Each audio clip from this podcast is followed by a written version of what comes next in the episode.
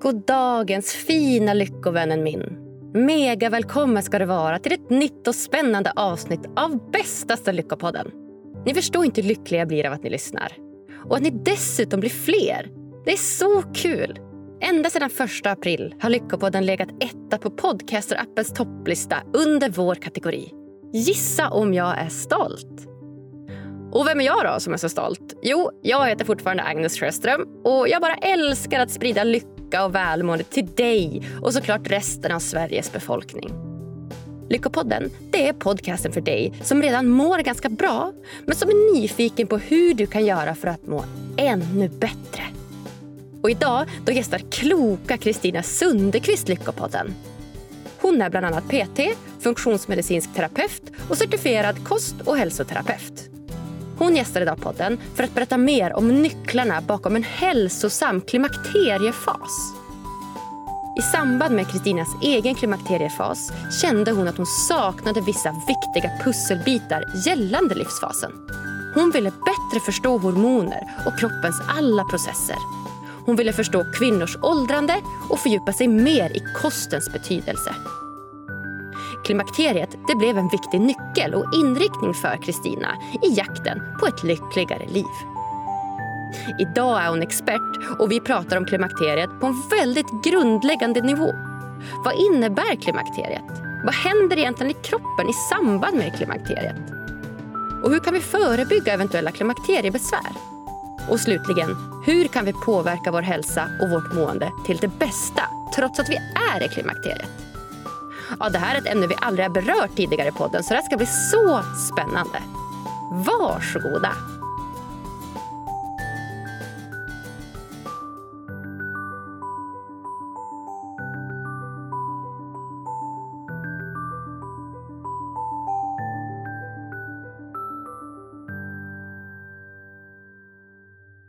Varmt hjärtligt välkommen till Lyckopodden, Kristina Sundekvist!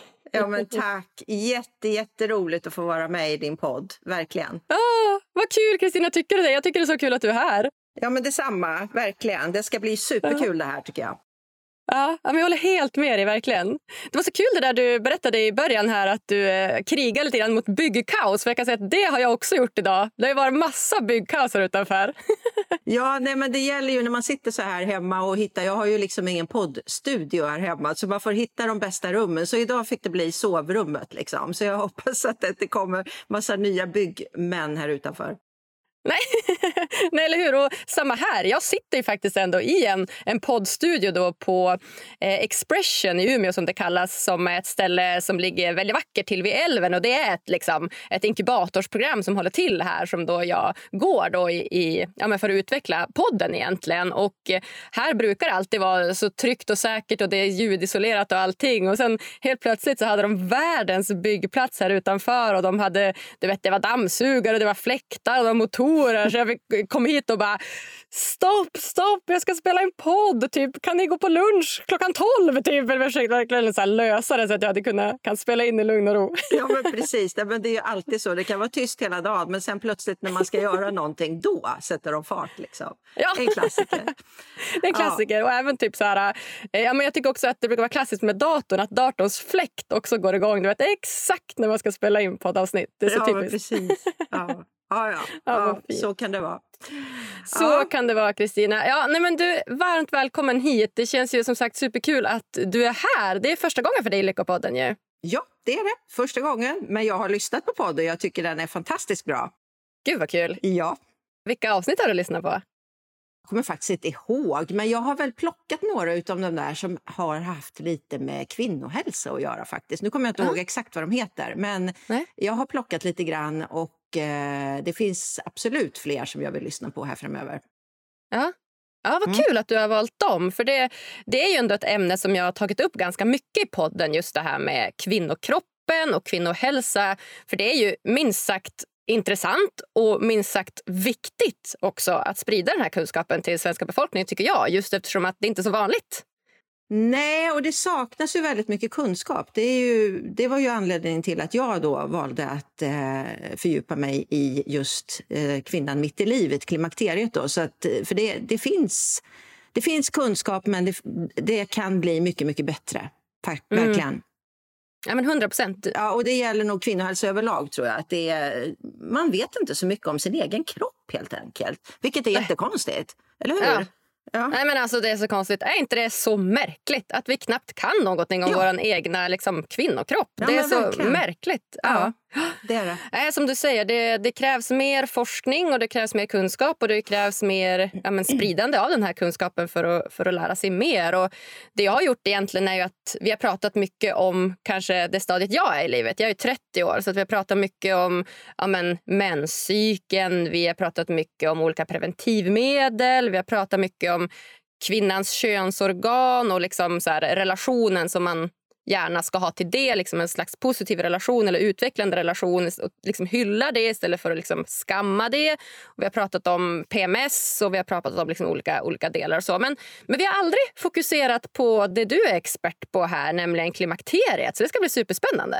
Ja, det blir ju lite nästa fas efter det som du eh, just eh, nämnde här. Då. Det blir det ju. Verkligen. Ja. Verkligen. Jag börjar så här i, i ålder och så går vi högre och högre och högre i ålder. Så nu, nu är ni i klimakteriet här. Och jag, jag, jag ska säga att jag är jätterookie på det här ämnet. Och som sagt, jag är 30, men det finns ju ändå en, en viktig poäng med att kanske lära sig lite om det här nu. Då. Så att jag tänker att vi kan väl ta det från början. Eller vad säger du? Absolut. Du är helt rätt ute där tycker jag. För det är ju den där kunskapen som jag också vill sprida. Jag tycker att man ska veta lite grann vad som kommer. När man, så man inte bara står där. För det gjorde jag nämligen. Jag visste ju inte så mycket om det här. Nej, du gjorde inte det. För, vad är det för ålder på dig idag? Jag är 57. 57. Eh, så jag, eh, jag kan väl säga att jag fick mina första känningar när jag var kanske strax före 50. Och jag visste verkligen ingenting. Jag trodde väl, som så många andra tror, tror jag, att man kopplar det här till att ja, men klimakteriet är väl något, då får man värmevallningar och man eh, slutar, ja, mensen slutar och att man då kanske är lite så här surkärring eller någonting. Men jag tänkte inte så mycket på det utan jag tänkte så här, ja, klimakteriet, ja, det kommer väl när det kommer liksom. Och sen så fick jag själv då en del känningar och då ska vi tänka också på att jag jobbar ju med hälsa, så jag jobbar, jag är ju personlig tränare och eh, hälsocoach då i grunden. Så jag, jag kan ju en del om kroppen ändå och hälsa och sådär, men jag hade ingen koll på de här sakerna. Och då började jag googla och jag började söka litteratur och då är ju det här ungefär åtta, ja, åtta, tio år sedan blir det, åtta år sedan är väl det här då. Och jag hittade ju ingen relevant information faktiskt då. Utan jag fick upp bilder, du vet när man googlar, det ska man ju inte göra i och för sig då, så mycket, men jag bara kände jag vill förstå vad är det som händer med kroppen. För vad jag kände det var att jag var, jag var lite deppig, jag var lite låg, träningen svarade inte som den hade gjort tidigare och jag hade lite så här värmevallningar på nätterna. Så jag tänkte att men det, här, det här måste ju ändå vara någonting som är på gång. Och jag hade också börjat få oregelbunden mens då. Så jag tänkte, ja men det här är väl klimakteriet då kanske, men varför blir det så här? Och då kom det ju då upp de här som jag tror du säkert och många lyssnare också har sett. Då får man upp bilder kanske på kvinnor som sitter framför fläktar, du vet med så här uppknäppt blus och är varma. Eller det kommer upp karikatyrer på, på kvinnor som är så här sur tanter eller någonting. Och, och så stod det lite grejer att om du får värmevallningar så kan du ta på dig tunnare kläder och kanske tunnare sängkläder och eh, ja, så får man leva med det ungefär. Och då kände jag, men alltså, det måste ju finnas någonting mer än den här informationen. Och det var så jag började då fördjupa mig i det här. Och då hittade jag ju när jag liksom började leta, jag letade i forskning och annan litteratur, så då hittade jag information och då började jag själv dokumentera de här sakerna. För jag är ju en sån person så jag ställer ofta frågan varför till alltihopa. Så jag tänkte men nu skriver jag ner de här sakerna som jag lär mig. Och då startade jag upp en blogg där ganska snabbt också och bara dela med mig väldigt, väldigt övergripande vad jag lärde mig. Och sen så kom idén ganska snabbt där också då på att jag så småningom skulle skriva en bok. Men det tog ju några år innan jag gjorde det då, om det här. Så jag lärde mig jättemycket och sen så sen var det ju så att i den vevan så tror jag att det var fler, eller jag vet att det var fler än jag som faktiskt tänkte ganska liknande. Så att då började det ju poppa upp lite litteratur och det skrevs mer och det kom också en del tv-program om det här. Så det, det hände någonting där ungefär samtidigt som jag också började fundera på de här sakerna. Och I den vevan så bestämde jag också att jag skulle vidareutbilda mig inom funktionsmedicin. För jag kände att jag hade en bra bas med min eh, hälsoutbildning som PT och mer kostrådgivare och hälsocoach. Men jag ville förstå liksom mer det här med hormoner och bakomliggande faktorer. Så då utbildade jag mig till funktionsmedicinsk eh, terapeut och eh, fick då ännu mer kunskap om det här. Så att parallellt med att jag gick utbildningen och gjorde egna efterforskningar och skrev massa saker så började ju det här byggas upp då till en bok helt enkelt. Eh, så på den vägen var det och eh, där är jag ju nu också, så jag är ju liksom inte färdig utan jag söker ju fortfarande väldigt mycket information. Och det händer ju mycket och det har hänt väldigt mycket de senaste åren nu. Både att kunskapen sprids, det kommer fler och fler böcker, det finns eh, poddar som tar upp det här och eh, mer och mer forskning. Så att det här är ju ett, ett ämne som ändå har börjat väckas, tycker jag, mer och mer.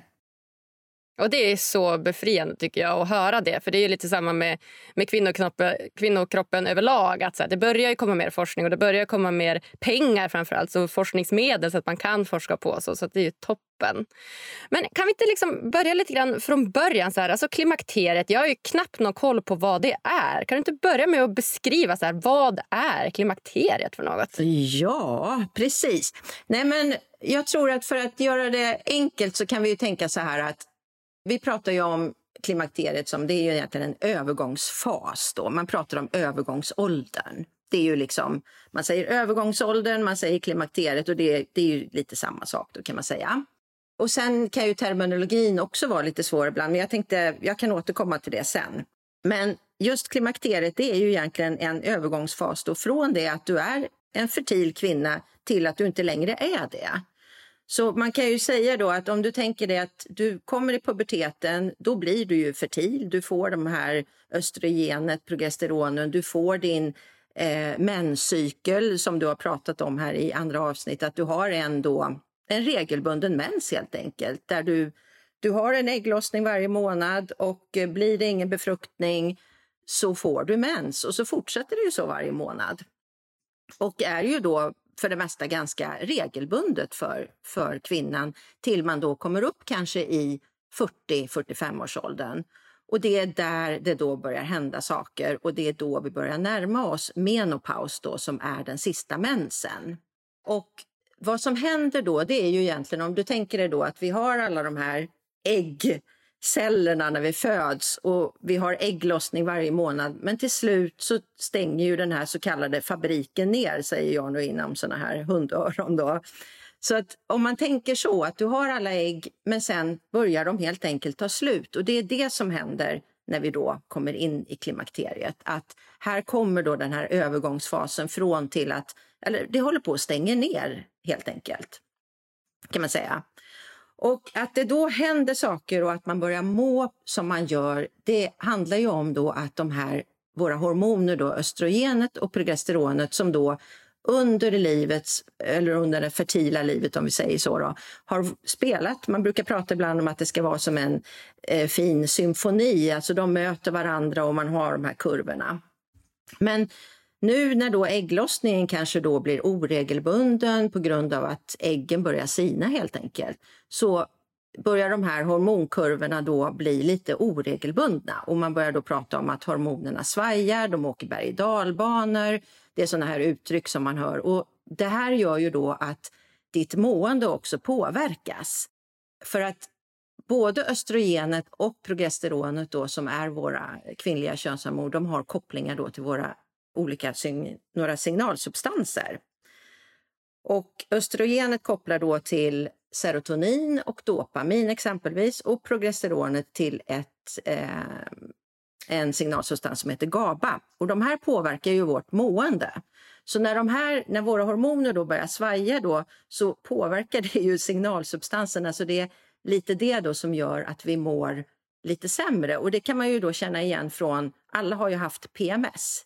Och det är ju samma sak där, att det är ju en hormonpåverkan under menscykeln som gör att du mår olika under cykeln. Liksom. Men det första man brukar märka då när man närmar sig då menopaus, eh, det är att mensen blir oregelbunden helt enkelt. Den kanske inte kommer som en klocka längre som den gjorde tidigare. Den kanske kommer tätare eller det kanske tar längre tid och man kan också börja blöda mer. Det här är ju också så komplext att det finns ju ingenting som stämmer in på varenda kvinna utan det här är ju väldigt individuellt. Men jag tänkte på det som du sa här inledningsvis att det kan vara bra nu, nu är du runt 30 så att du har ju några år kvar innan du kommer till de här första symptomen. Men att ändå veta om att de här sakerna händer och att det också då kan påverka ditt mående gör ju att, att kvinnan kanske förstår när man är 40 plus, 45 plus att ja men okej, nu, nu börjar jag närma mig klimakteriet och det är fullt naturligt. Liksom. Och det är ju det man då brukar kalla för, här har vi lite olika termer då, vi brukar prata om förklimakteriet. Om du har hört det någon gång? Ja, jag känner igen det, förklimakteriet. Ja, precis. Och, ja. och det är ju det som Eh, det är ju ett svenskt ord som man brukar använda. Men om man tittar på de utländska eller utländska orden för det här så pratar man ju då om menopaus som är den sista mensen. Sen pratar man om perimenopaus och då är det alltså tiden strax före menopausen. Sen pratar vi om postmenopaus och det är ju då efter menopausen. Men vad många kvinnor eller vad många då blandar ihop det är att man säger klimakteriet och menopaus att det är samma sak. Och det är det inte då, utan klimakteriet ska man se att det är som en övergångsfas och menopaus är då en specifik tidpunkt för sista mensen. Och sen pratar man då om det här för klimakteriet och eh, efter klimakteriet. Då. Så att det är väldigt många ord här som florerar. Så är man helt ny och börjar söka på det här så kan man nog bli lite förvirrad i början. Och då menar inte jag att man behöver, alltså det är ju inte de här termerna som styr det här. Men det kan ändå vara bra att känna till de här olika faserna. Och framförallt så tycker jag att det här med förklimakteriet är viktigt att det sprids. För att det är så många kvinnor som kanske går runt och mår dåligt där i 45-årsåldern och inte alls förknippar det här med att det kan vara en hormonell obalans de har på grund av att de faktiskt börjar närma sig då menopaus. Eh, och menopaus då genomsnittsåldern för sista mensen den är då 51 år ungefär, men det här är ju också väldigt, väldigt individuellt. Det kan komma tidigare och det kan komma senare, men jag tycker det är viktigt att man är, är medveten om de här grejerna.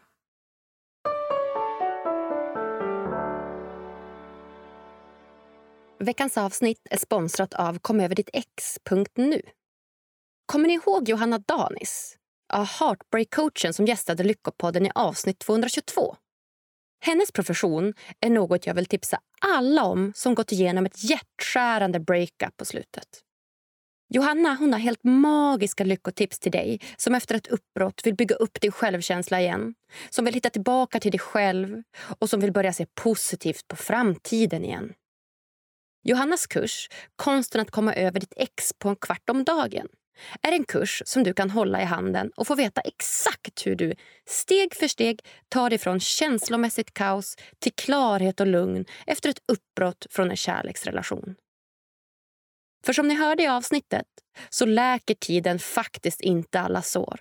Utan det handlar om vad du gör med tiden som avgör om din självkänsla repareras och hur snart du blir redo för att älska både dig själv och andra igen. De som gått kursen de brukar beskriva att de får ett helt nytt lugn i kroppen. Att de känner sig starkare i relation till sitt ex. Och känslor av skuld och skam de brukar lösas upp utan att man ens tänker på det. Kursen den bygger på vetenskap och beprövad erfarenhet från bland annat KBT, mindfulness och professionell sorgbearbetning. Med hjälp av den senaste forskningen kring motivationspsykologi får du också lära känna dig själv på ett helt nytt sätt. Förbereda dig själv på nya härliga kärleksrelationer och skapa en djupare mening i livet. Du kan gå hela kursen på egen hand hemifrån och starta redan idag eller när du själv känner dig redo. Och du kan också få personligt stöd av Johanna längs vägen från kaos till klarhet. Och bara för att ni är världens bästa lyssnare så får ni nu hela 1000 kronor rabatt på kursen när du uppger rabattkoden LYCKA i bokningen. För ingen ska behöva gå runt med ett krossat hjärta i onödan. Gå in på www.komoverdittx.nu, alltså O istället för ön, och få tillgång till kursen direkt. Hoppas det ska hjälpa er också. Puss och kram!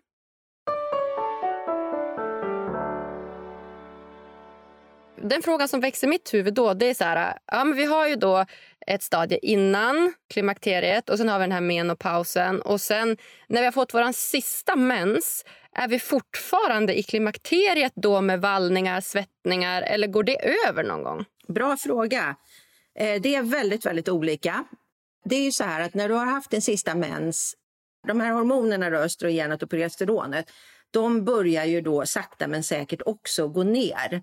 Och precis när du har haft sista mensen, då har du fortfarande en del östrogenproduktion kvar i dina i dina äggstockar. Så de närmaste åren efter menopausen så kan du fortfarande ha lite känningar då, eller det finns östrogen kvar om man säger så. Och det kan också då göra att, att eh, den här hormonella balansen inte riktigt har lagt sig. Så att vad som händer sen lite längre fram det är att de här hormonkurvorna då planar ut och då blir det ju förhoppningsvis lite, lite lugnare. Men många kvinnor har ju då efter sista mensen fortfarande en del vallningar och det kan ju pågå några år och för en del kvinnor så pågår det faktiskt jättelänge. Det är inte jättevanligt men det här är ju, det är ju jätte, jätteolika och en del kanske inte alls har några vallningar överhuvudtaget eller några känningar. Men det kan absolut fortsätta några år efter, det kan det göra. Så att man brukar säga så här att hela den här fasen då om vi pratar då om hela det här förklimakteriet, menopaus och efter, eh, det kan ju pågå mellan 10-15 år. Oj! Ja, men det behöver ju inte vara jättekänningar hela tiden. Men en del har jättejobbigt under de här åren och en del går då igenom det här utan att känna av så mycket överhuvudtaget. Och där kan, man väl, kan det vara intressant också att dela med sig av en siffra här att det är ju så att man säger då att ungefär 75 procent av alla kvinnor känner av den här perioden på något sätt. Och då brukar man säga att mellan 25 och 30 procent av de här då har så pass jobbiga problem så det faktiskt ställer till det i, eh, i vardagen för dem. Så det, det är ju ganska, det är ganska många i varje fall som har någon typ av känning. Ja, det är i princip alla mer eller mindre. Då. Ja, och tittar man på lite mer statistik där så tittar vi då på att mellan då åren kvinnor mellan 45 och 60 så kan vi säga att vi idag är ungefär en miljon kvinnor i, den ålder, i det åldersspannet. Och det skulle då betyda att idag så har alltså ungefär 750 000 då någon typ av känning. Oj, mm. oj shit. Så shit, det, det, är många. Ja, det är många. Och sen kan det vara mer eller mindre. Och om jag tittar på mig själv då så har ju jag ändå inte haft de här jätteproblemen utan för mig har det varit mer eh, de här andra känningarna då som kanske inte är just värmevallningar som jag tror det är det, mesta, eller det som de flesta kvinnor tänker på. Så jag tänkte komma in på det lite också, att du kan ju ha så otroligt mycket andra symptom för klimakteriet. Ja, men kan vi inte dyka in lite på symptom? då? För Där har vi pratat lite grann om ja, dels oregelbunden mens och sen värmevallningar. Men vad finns det mer för olika typer av symptom? Ja, precis. Nej, men värmevallningar och svettningar det är eh, på nätter och, eller på dagen eller ja, värmevallningar överhuvudtaget. Det, det är ju det man tänker på. Och eh, Sen kan du också få hjärtklappning. Eh, du kan få... Många kvinnor går ju upp i vikt tycker det är väldigt jobbigt. Eh, du har också musklerna då som har en... Du tappar muskelmassa och du får ett svagare skelett och det har ju med då eh, det lägre östrogenet att göra. För östrogenet är ju ett hormon som inte bara är kopplat till eh, fertilitet och menscykel utan östrogenet gör väldigt mycket annat i våra kroppar. Svagare skelett. Ska man börja dricka mjölk igen då? Som ett litet barn? Eller? ja, precis. Du ska börja träna Träna såklart. Det är viktigt. Jag tänkte vi kommer väl in på lite livsstilsfaktorer här sen också. Nej men absolut. I takt med att östrogenet då dalar eller försvinner så tappar vi muskelmassa och får ett svagare skelett. Och östrogenet har också en positiv effekt på hjärta-kärl, på um, tarmen, på, ja, som jag var inne på, det här med signalsubstanser på hjärnan. Det finns jättemycket som östrogenet då hjälper våra kroppar med. Så när det då försvinner så måste vi ju ta hand om det här på något annat sätt. Och där kommer ju då livsstilsfaktorer in väldigt mycket. Men det här gör ju då att i samband då med att östrogenet dalar ner där, då får du ju, kan du ju få symptom för det. Och det, det var nog det jag märkte av mest. För att jag kände till exempel av att min... Eh, jag tränar ju ganska mycket, men jag kände då att min träning svarade inte alls på samma sätt. Jag hade jättesvårt att, eller jättesvårt, jag hade svårare att bygga muskler och jag tappade också muskelmassa. Oh, vad, vad provocerande att så här, träna som du också ja, men, jobbar som PT och har det som ett yrke och du vet, kanske är van att träna mycket och se lite förändringar och du vet, du vet lite vad du behöver göra för att påverka din kropp och så plötsligt så, så går det nästan åt andra hållet. Ja, och Eh, min första tanke där var ju då som jag, jag sa här att jag kunde ju inte så mycket om det här och jag fick också ont i, eh, jag hade jätteont på eh, baksida lår. Och jag tänkte, men vad har jag gjort? Vad är det här för någon konstig? Ska jag träna? Jag gjorde övningar för det här och det försvann inte. Och det är också någonting som många kvinnor känner av, att man då får olika typer av led, får ont i kroppen helt enkelt. Att du blir stel är också någonting. Så det, det, är mycket som då kan påverka och då blir det ju ännu viktigare att man då känner till de här sakerna. Så att man ändå fattar att, ja men vänta nu här, nu, nu är jag faktiskt i den här åldern så att kan det här vara klimakteriet som gör att jag börjar känna mig annorlunda framför allt? Det är ju mer så. Och jag märkte också av att jag blev mer eh, intolerant mot viss mat plötsligt. Jag har alltid haft eh, lite så här IBS-mage eller känslig mage men då kände jag ännu mer men alltså nu börjar jag bli känslig för viss mat och jag hade svårare, jag märkte att jag la på mig vikt lättare. Och det, det var väl allt det här som jag själv då började lägga ihop och tänka, ja, och sen läste jag på och då såg jag, jag menar, det här är väldigt mycket då som händer i kroppen och då får du de här symptomen. Så det är mm, bra, jätteviktigt att veta de här sakerna tycker jag. Ja, men verkligen. Så oregelbunden mens, man kan få värmevallningar, hjärtklappning, gå upp i vikt, tappa muskler, svagare skelett och till och med mer intolerant mot viss mat. Då. Det är Visst låter mycket bra? som kan hända. Ja, eller hur? Jag ser så mycket fram emot det här. det är inte så farligt. Absolut nej, inte. Nej, men alltså, man, man, får tänka så här, och det är också något som jag ofta eller som jag verkligen vill lyfta fram när jag, jag föreläser en del om det här också. att här måste vi också förstå att det är en ny livsfas som vi går in i. Vi är liksom inte 25-30 längre utan man måste också acceptera det här faktiskt. Mm, att, och mm. Här har vi också som jag vill eh, ta fram och det försöker jag, eller har jag tagit fram i min bok också, att det handlar ju inte bara om klimakteriet utan vi har ju också ett naturligt åldrande i det här. Så det hänger ju, alltså klimakteriet tycker jag ju min, som jag ser på det, så är ju det en del i det kvinnliga åldrandet. Så det är ju egentligen inte konstigare än så.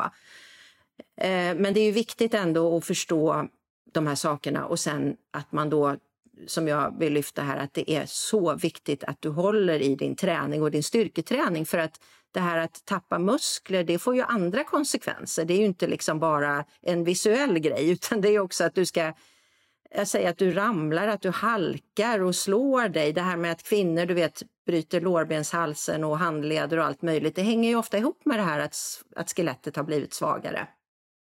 Men kan vi inte börja där då? Om vi tänker, om vi börjar med liksom kvinnor i min ålder, 25-30. Kan, kan jag göra någonting för att liksom förebygga det här på något sätt så att det inte blir värsta persen när man blir 45? Ja, precis. eh, nej, men då säger jag absolut styrketräning och van, vanlig träning överhuvudtaget. Det, det, och sen kosten är ju också jätteviktig såklart. Och, och den, Vad ska jag äta då? Eh, nej men där kommer man ju tillbaks till de här vanliga, eller vanliga, men det som vi brukar säga att vi äter ren näringstät mat. Låt bli de här snabba processade livsmedlen, vilka du absolut säkert kan äta nu utan att du egentligen påverkar så mycket av det. Men där kommer många, eller märker man ju sen av att det blir, det blir jobbigare att äta den typen av mat för man kanske inte tål det på samma sätt.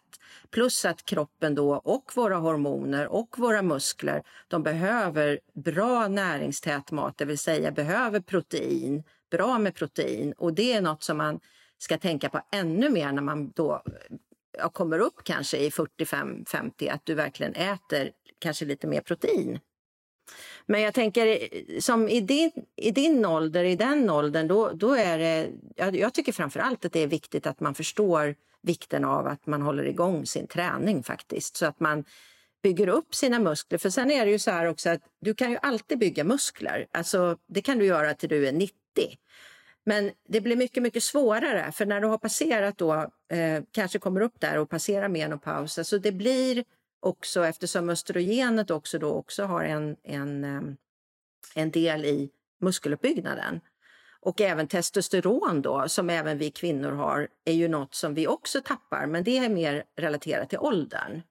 Men vi säger att vad man kan göra som en, en ung kvinna det är ju att se till att du har den här muskelbasen. Då, då går du ju liksom in stark i det här och kan möta den här muskelförlusten som kommer naturligt. Just. Så att liksom bygga upp den här basen så att du har lite att ta på om man säger så. Och sen är det bara att fortsätta träna. Men säg att du då är en kvinna som som är 40-45 och aldrig har styrketränat, då är det ju verkligen hög tid att börja, tänker jag.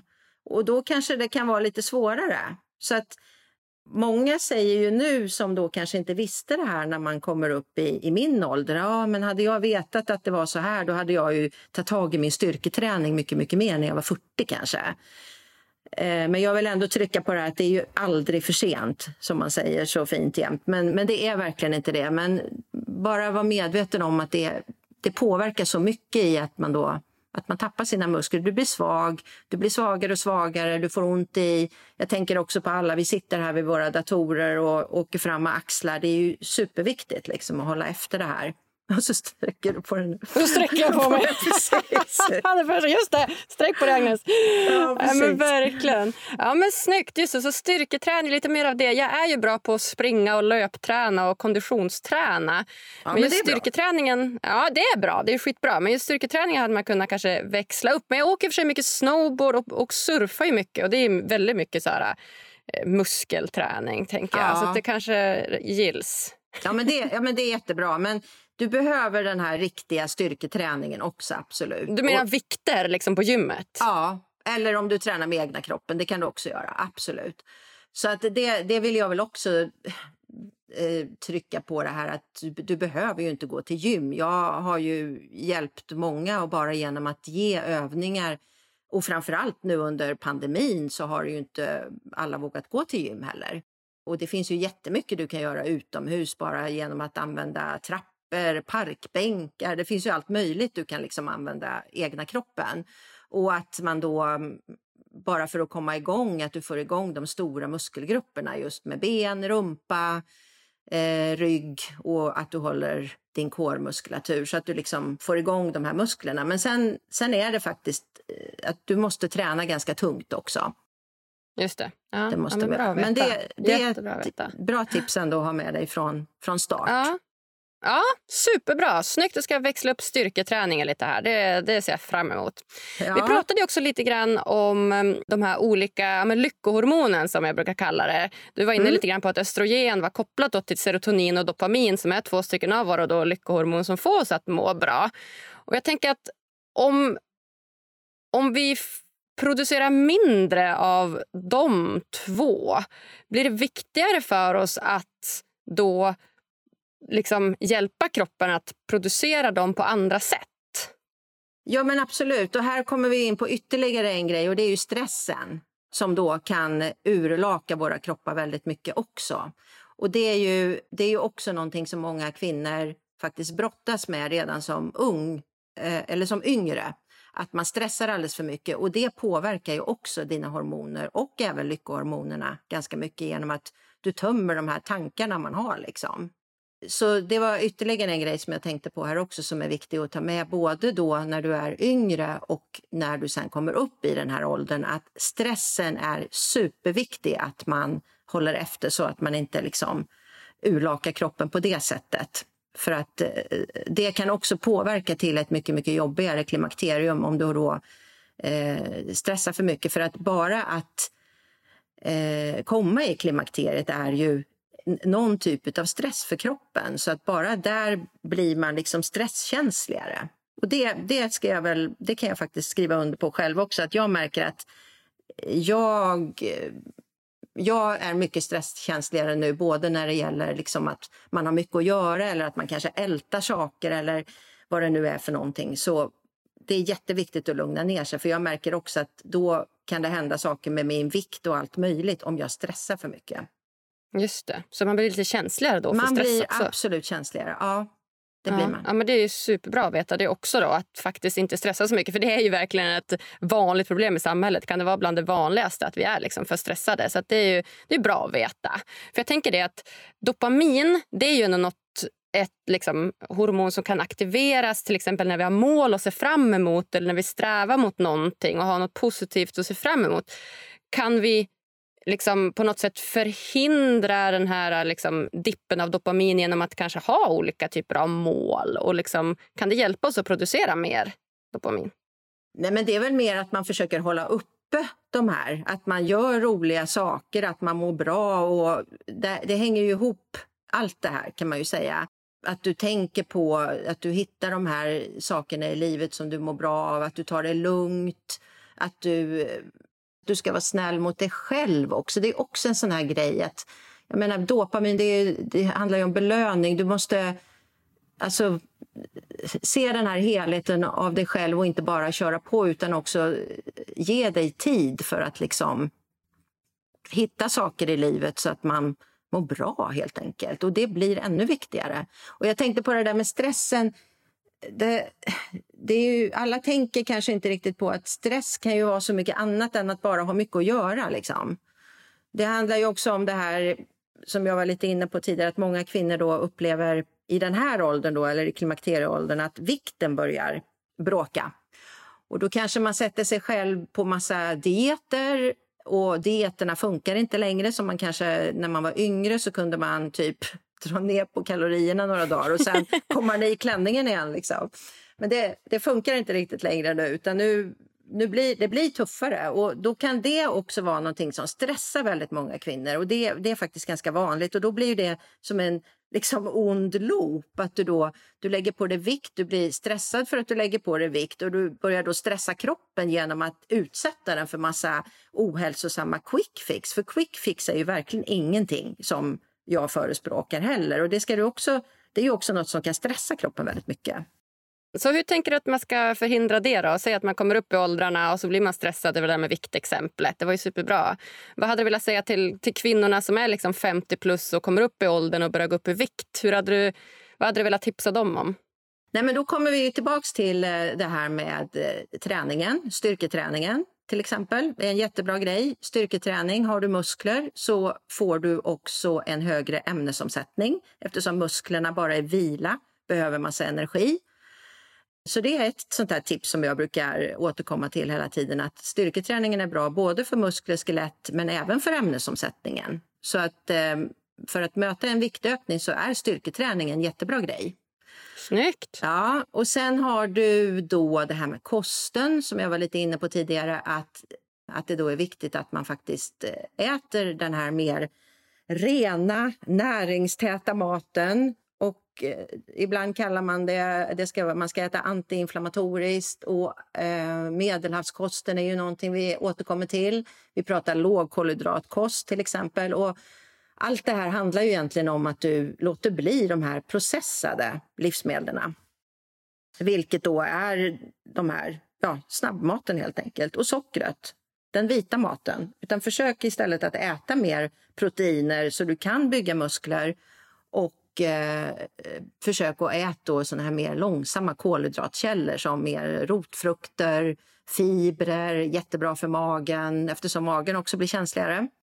Så de här vanliga hälsoråden när det gäller kost helt enkelt. Och sen inte krångla till det. Och sen ha tålamod och låt bli de här quick fixen.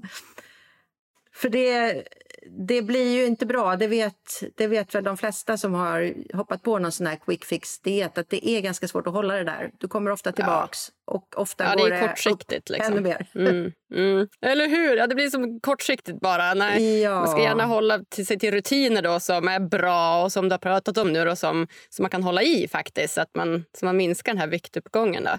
Ja. Och sen tycker jag du var in, och jag tycker du var inne på något jättebra där också det här med att om vi säger att ja, men, vissa signalsubstanser då produceras mindre av då, som är klassiska lyckohormoner så se till att ha ännu roligare då för ja. att väga upp de här eh, den här nedgången av de här signalsubstanserna. Så boka in roliga saker. Absolut. Ja, men absolut. Och det är också en, en, en del i min... Jag har ju i i min bok har jag ju tagit upp olika delar just som man ska tänka på när det gäller livsstilen. Och då, då har vi redan pratat om träning och eh, muskelmassa, skelett och kosten. Och jag har faktiskt med just det här att hitta då dina må bra-grejer, saker man mår bra av helt enkelt i livet. Så att man eh, inte glömmer bort det. Och man gör, eller att man gör saker som man mår bra av själv för att just eh, ta, och där kommer du in på stressen också, att då stressar du kanske ner men liksom ta det lite lugnt och förstå att kroppen behöver ta det lite lugnt nu också.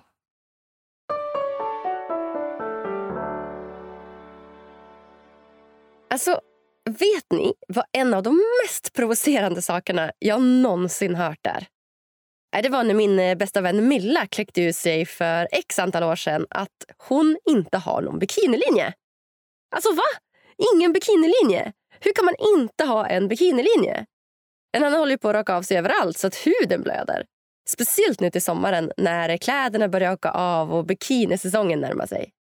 Ja, Milla hon är ju förvisso blond och lär ju ha blont hår på hela kroppen, men ändå. Ja, alla ni brunetter med ordentlig hårväxt där ute, jag är så med er. Det är inte lätt. Jag gissar att jag inte är den enda som har en mörk raggarsäng på magen. Ja, ni som vet, ni vet. Att vara brunett, det är inte lätt. Som tur är har jag nu hittat till Umeås äldsta och finaste hudvårdssalong, Face och deras fantastiska IPL laserbehandling. En snabb, säker och effektiv hårborttagning av pigmenterat hår i ansiktet och på kroppen. Så nu jämmers, nu ryker raggarsängen, bikinilinjen och håret på benen och på låren. Och det ska bli så skönt! Ja, oftast så behövs typ 5 till 10 behandlingar. Men eh, det bestämmer du såklart i samråd med din hudterapeut. Och på Face där jobbar sex stycken auktoriserade hudterapeuter varav tre av dem innehar mesta brev i hudterapeutyrket. Ja, gud så skönt det kommer bli med hårlösa somrar framöver. Tack snälla Face för att ni gör det här möjligt.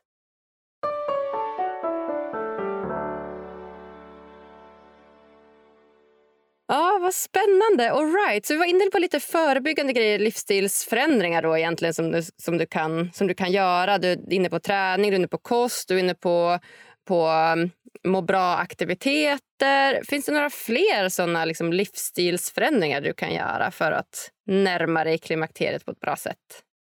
Precis, vi pratar om träning men då har vi inte nämnt det här med, eh, vi har ju eh, det här med att vi måste försöka fortsätta hålla oss rörliga också. Vi, har ju, eh, vi tappar ju mycket balans när vi blir äldre. Så det är ju också en faktor som vi ska ta med oss. Och, och det, är, det är ju också åldersrelaterat. Men, eh, och, men, men det kommer ju mer och mer i den här åldern. Så man märker ju av alla de här sakerna mer när du kommer upp i den här åldern. Liksom. Men det är jätteviktigt också och där brukar jag prata om det då är om du går på yogapass, det kan ju vara jättebra men du behöver ju inte gå på ett riktigt yogapass. Du kan ju bara se till att du får någon rörelseträning eller att du yogar lite hemma men att man ändå håller efter det här med balansen och rörligheten i kroppen så man inte stelnar till helt enkelt. Så att du, att du inte bara kör på med styrketräning och går ut och springer och sen glömmer bort den här eh, rörligheten också för det, det tror jag många också eh, känner av att oj vad stel jag börjar bli, det där kan jag inte göra längre. Och, så att det är ganska viktigt och det är också något som är bra med tanke på det här att man då, om vi säger om man halkar, att du då också lär dig att kunna parera ett fall. Att du liksom har den här rörligheten i kroppen så du inte är stel som ett kylskåp. Liksom. Nej, exakt, just det. Och sen också men endorfinutsöndringen som sker av träning måste ju vara superbra också, som också är ett annat lyckohormon. Ja. ja. ja men det är absolut. Så att eh, träningen och kosten kommer du väldigt långt på och stressen. Som vi då ska dra ner såklart. Vi ska inte ha mer stress utan vi ska dra Nej. ner stressen. Ja. såklart. Hur ofta sker de här till exempel vallningarna som det pratas så mycket om? Liksom, är det att du har en konstant vallning liksom hela tiden eller kommer och går en gång i veckan eller tre gånger per dag? Eller Precis, bestäm, bestämd tid varje dag. Liksom. Ja. Nej, men det är ju jätteindividuellt. Absolut, det är det ju. Men Många upplever ju faktiskt att de har problem på nätterna. Och Fråga mig inte varför det blir så, men eh, att man vaknar mitt i natten och är typ sjöblöt. Liksom.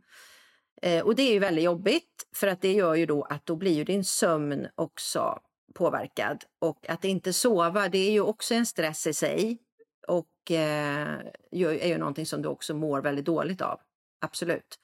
Eh, så det tror jag, det är ju jättejobbigt för många kvinnor och många kvinnor har ju problem med sömnen. Mycket på grund utav det här faktiskt. Att man då kanske har de här värmevallningarna eller att man kanske då är stressad för att man eventuellt ska få de här svettningarna på nätterna. För att det finns ju de som alltså får gå upp och byta lakan och duscha på natten för att man eh, svettas så mycket. Eh, jag hade, hade inte, upplevde inte så, men jag, jag hade några sådana där, någon period där det var, man fick, oj, oj, oj, fick resa mig upp ur sängen och sen, sen går det över. Men sen kan man ju även få de här flusharna då på dagen som en del kvinnor kan tycka är, är jobbigt. Du kanske får det på jobbet eller att du får det om du håller något föredrag eller vad det är. Och då blir det en flush och då kan det, det kan ju bli så mycket så att det, du börjar svettas i ansiktet och sådär. Eller för många gånger kanske det inte syns för omgivningen utan du kanske bara själv känner det. Mm, mm. Men det är ju jätteindividuellt. Men eh, man har väl sett att det finns en viss påverkan. Eh, att stark mat kan påverka det här. Eh, kaffe kan vara någonting. Alkohol. Och jag vet att en del kvinnor känner också av det här med om de då äter den här processade maten med mycket socker, att det också kan eh, göra att vallningarna då blir värre. Så att eh, håller man, och det känns ju ganska naturligt, alltså ger du din kropp bra grejer så, så mår ju kroppen bra. Men börjar du då hålla på med eh, massa socker och onyttigheter och sånt så kanske kroppen reagerar på det då. Ännu en anledning till att träna, äta bra regelbundet och minska stressen. Det känns som att man kommer tillbaka till det i många avseenden när det kommer till lycka. Men nu också då när det kommer till klimakteriet så är det ännu en anledning till att faktiskt tänka på de här sakerna. Så det tycker jag är superbra. Ja, och sen finns det en, en annan grej som jag tycker är viktig där som säkert kan stressa många kvinnor då och få dem att må dåligt. Det är ju det här att, att man pratar väldigt lite om klimakteriet på arbetsplatsen det har börjat komma mer och mer och jag, jag har ju försökt att, att få ut det här också. Och för det tycker jag är någonting som jag tror många kvinnor kan tycka är jobbigt. Att man kanske skäms då för att man får de här flusharna eller du är nervös för att du ska få det när du håller ett föredrag. Eller att man mår dåligt. Jag menar en del kvinnor mår ju dåligt och kanske inte då blir förstådda att klimakteriet är faktiskt någonting som man kan som kvinna må väldigt dåligt av. Så om man hade den förståelsen då från sina chefer kanske eller kollegor så kanske det också skulle göra att kvinnan skulle må mycket, mycket bättre. Ja men Verkligen, för det var en sak jag tänkte på där när du berättade just det här med åldrarna. Att så här, 45 till 60 år, det är oftast där då som, som klimakteriet sker. Och det är ändå alltså ganska hög ålder om man tänker rent yrkesmässigt också. Alltså du har kommit in i din karriär, du har säkert jobbat upp dig lite grann, du har säkert en bra position på ett företag och du, är, du vet vad du vill och du är lite så här, man har kommit en bit i din karriär och så då plötsligt man ska droppa att så här, Nej, nu är jag i klimakteriet, jag har vallningar så jag kan inte göra det här. Alltså jag vet inte, det kanske finns mycket skam över det då just för att ja. man inte pratar om det så mycket. Nej men och precis och det där eh, och då, det som jag var lite inne här på tidigare också då att just eh, östrogener kan ju då påverka också eh, hjärnan lite grann så att du får, jag tror inte jag nämnde det, det här med hjärndimma som många känner. Och det, kan, det är ju, ja, du glömmer saker, du hittar inte ord, det har ju lite med ålder att göra också men det kan ju också göra att man då kanske upplevs på jobbet som att man plötsligt har blivit förvirrad. Och eh, där, där känner jag ju, skulle man jag skulle ju önska att det liksom pratades mer på arbetsplatserna om det här så att man, att man såg det här som att ja, men det här är lika naturligt som puberteten, som en graviditet. Liksom, det är något som, som vi kvinnor går igenom om man säger så, då, en övergång. Så att, eh, ja, prata mer om det och, och sen precis det som du sa här att det kan vara lite skämmigt. Det har vi ju inte heller riktigt kommit förbi för att många många kvinnor tycker ju fortfarande att det är det, att det är lite hysch-hysch. eh, där kan ju vi kvinnor själva göra mycket genom att prata och inte sitta och typ sänka rösten när man pratar om det. För det, det gör ju en del bara, ja nu, jag tror jag har kommit till klimakteriet liksom och så är det lite så här skämmigt istället för att, ja men så här är det. Så det blir mer Vad naturligt. härligt! Ja. Vad härligt att du är inne i nästa fas i livet. Ja, Får berätta mer, lär oss. Ja, men 100 procent. Mer det. Vi borde ha så workshops, alla arbetsplatser har en workshop om ja. klimakteriet. Och speciellt kanske både kvinnor men också män. Alltså de skulle behöva lära sig lite. De vet, de ens vad, ja, alltså, vet de ens vad klimakteriet är? Alltså, du vet, de är ju helt tappade. Eller säga. Inte alla ja, män, men, nej, men många. Jag, jag tycker ju absolut det, det, här har blivit mycket, mycket bättre de senaste åren och det, det gör mig jätteglad. Men jag tycker att vi kan komma ut med det här mycket, mycket mer. Att man pratar om det och inte liksom hyschar så mycket utan att det, att det blir naturligt. Så jag tror att, jag tror att nästa generation kommer att eh, se det här mycket, mycket naturligare än vad just eh, min generation och kanske min mammas eh, generation har gjort. Liksom. För då var det ju ännu mer hysch-hysch. Det tror jag med. Och det är därför jag är så glad att du vill gästa mig här, Kristina. Så att vi faktiskt kan sprida den här kunskapen till ja, mer människor där ute. Absolut. Woo! Ja, nej, hörru tiden börjar rinna ifrån oss här så jag tänker att vi hoppar in på de sista frågorna här innan vi lämnar varandra, du och jag. Den första frågan har vi varit lite inne på, men jag tänker att du ska få utveckla lite grann. Vad, vad, vad gör dig riktigt, riktigt lycklig? Nej, men jag, jag märker ju mer och mer att det som hela jag, hela mitt sinne, hela min kropp blir riktigt, riktigt lycklig av, det är att vara ute i naturen. Verkligen. Och det, alltså det är så små saker som bara du vet, plocka bär, vandra, åka skidor och bara vara ute och få det här lugnet. Jag, jag känner liksom hur hela min kropp bara svarar med lycka. Det är så tydligt alltså. Och, och det blir jag, jag, märker att det blir viktigare och viktigare för mig och um, jag värdesätter också detta väldigt, väldigt mycket. Lite det som jag var inne på tidigare, att jag, jag har eh, min kropp säger det här till mig och då jag märker vilken skillnad det gör för mig. Alltså, så det, det gör mig superlycklig, verkligen. Försöker du göra det till någon slags rutin då, liksom att du är mycket i skogen eller har du någon plan liksom, för att kunna vara mer och mer där? Absolut. min rutin varje morgon är att jag går ut och går ungefär drygt en timme och då, då gör jag det i det är lite beroende på var jag är då såklart, men eh, där det finns någon typ av skog. Nu sitter jag ju mitt i centrala Stockholm då, men det finns jättefina grönområden här också. Så det är liksom det är det första jag gör varje morgon och då har jag fått en bra bas och då mår jag jättebra. Eh, så, och sen jag, är jag ute en sväng på kvällarna också. Så att, eh, och är jag uppe då i eh, lite mer norrut, då har jag ju naturen intill mig hela tiden. Liksom. Då har vi liknande morgonrutiner du och jag. Jag tar ju en joggingtur där varje morgon på typ 45 en timme. Det är ju det bästa sättet tycker jag att starta dagen och vara ute i naturen. Ja, och man märker att jag, jag blir så här, jag går inte och tänker jobbiga tankar eller så där, utan jag försöker liksom känna in vad, vart är jag idag. Och, men ibland kan det vara så här tankar som bara ramlar på plats eller om, om man har funderat på någonting så blir allting så mycket enklare när man kommer hem igen. Det är som så problemlösande. Ja, faktiskt. Det är skithäftigt ja. tycker jag. Jättehäftigt. Verkligen. Kul. Om du fick ge lyssnarna en utmaning som de kan göra varje dag för att bli lite lyckligare, vad hade det varit då? Jag var väl lite inne på det tidigare också, att hitta det som jag då brukar säga ofta, att hitta dina, de här små må bra-känslorna varje dag. Och då menar jag att man hittar någonting som man känner att man mår bra av. Och det kan vara små saker som att det kan ju vara att man går ut och går eller att man eh, ja, något som du verkligen känner att det här mår jag bra av, men att du också ger dig det varje dag. För det tror jag kan vara en utmaning för många. Många kör bara på. Men att verkligen tänka på det där, ja, men jag ska verkligen ge mig själv någonting som just jag mår bra av varje dag. Och det kan ju även inkludera andra människor, att man hjälper någon, att man ger ett leende till en annan människa, man öppnar dörren till någon, man säger tack, man ger en komplimang. Såna känner, det, det känner jag också, det är också må bra-känslor, men att du gör någonting sånt för dig själv varje dag. Liksom. Det skulle jag vilja dela med mig av. Mm. Ja, så bra. Ja, nej, är det något så slutligen som du känner att du vill dela med dig av till lyssnarna här som du inte har fått säga än eller som du vill tipsa om eller så? Nej, men jag tycker det var jätte, jättekul att jag fick vara med här idag och sprida den här kunskapen som, som jag har och dela med mig lite om, om klimakteriet och eftersom jag tycker det är viktigt att det sprids verkligen.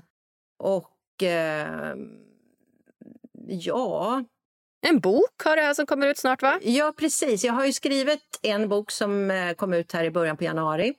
Och jag har bok nummer två på gång, så den är nu på tryck faktiskt och den kommer i augusti.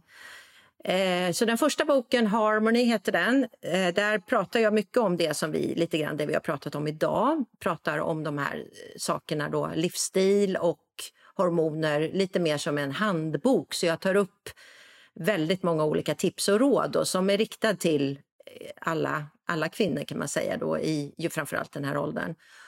Så att man, man förstår lite mer vad det här är för en fas. Och min andra bok då, där har jag fördjupat mig i näring och kost och jag har också ett helt kapitel eller en del som handlar just om vikten faktiskt och hur man ska möta viktförändringar och den boken släpps i augusti. Så det ser jag fram emot. Jag har bara sett den på pdf-en. Så det ska bli Vad jättekul. spännande! Ja, ja, jättekul. Ja, jättekul att se den för första gången. Det måste vara en speciell känsla att hålla i liksom det man har skapat på något sätt, produkten. Ja, verkligen. Nej, men sen tänkte jag också, jag, jag gör ju en del um, poddavsnitt i Klimakteriepodden då, så jag tänker att om man är intresserad av att lära sig mer och djupdyka just i klimakteriet och saker runt omkring det så är ju det en podd som har jättemycket spännande avsnitt som jag varmt kan rekommendera verkligen. Ja, kul! Ja, här har vi verkligen varit inne på grundläggande basgrejer om vad egentligen klimakteriet är. Jag kan tänka mig att man kan prata om det här i många fler avsnitt. Så att vill man djupdyka så kan man hoppa över och lyssna lite på Klimakteriepodden. Det tycker jag. Ja, verkligen. Mm. Ja, nej, så kul Kristina. Jag säger bara tack, tack, tack snälla, snälla du för att du kommer gästa mig här på Lyckopodden. Ja, men tack själv. Jättekul att vara här.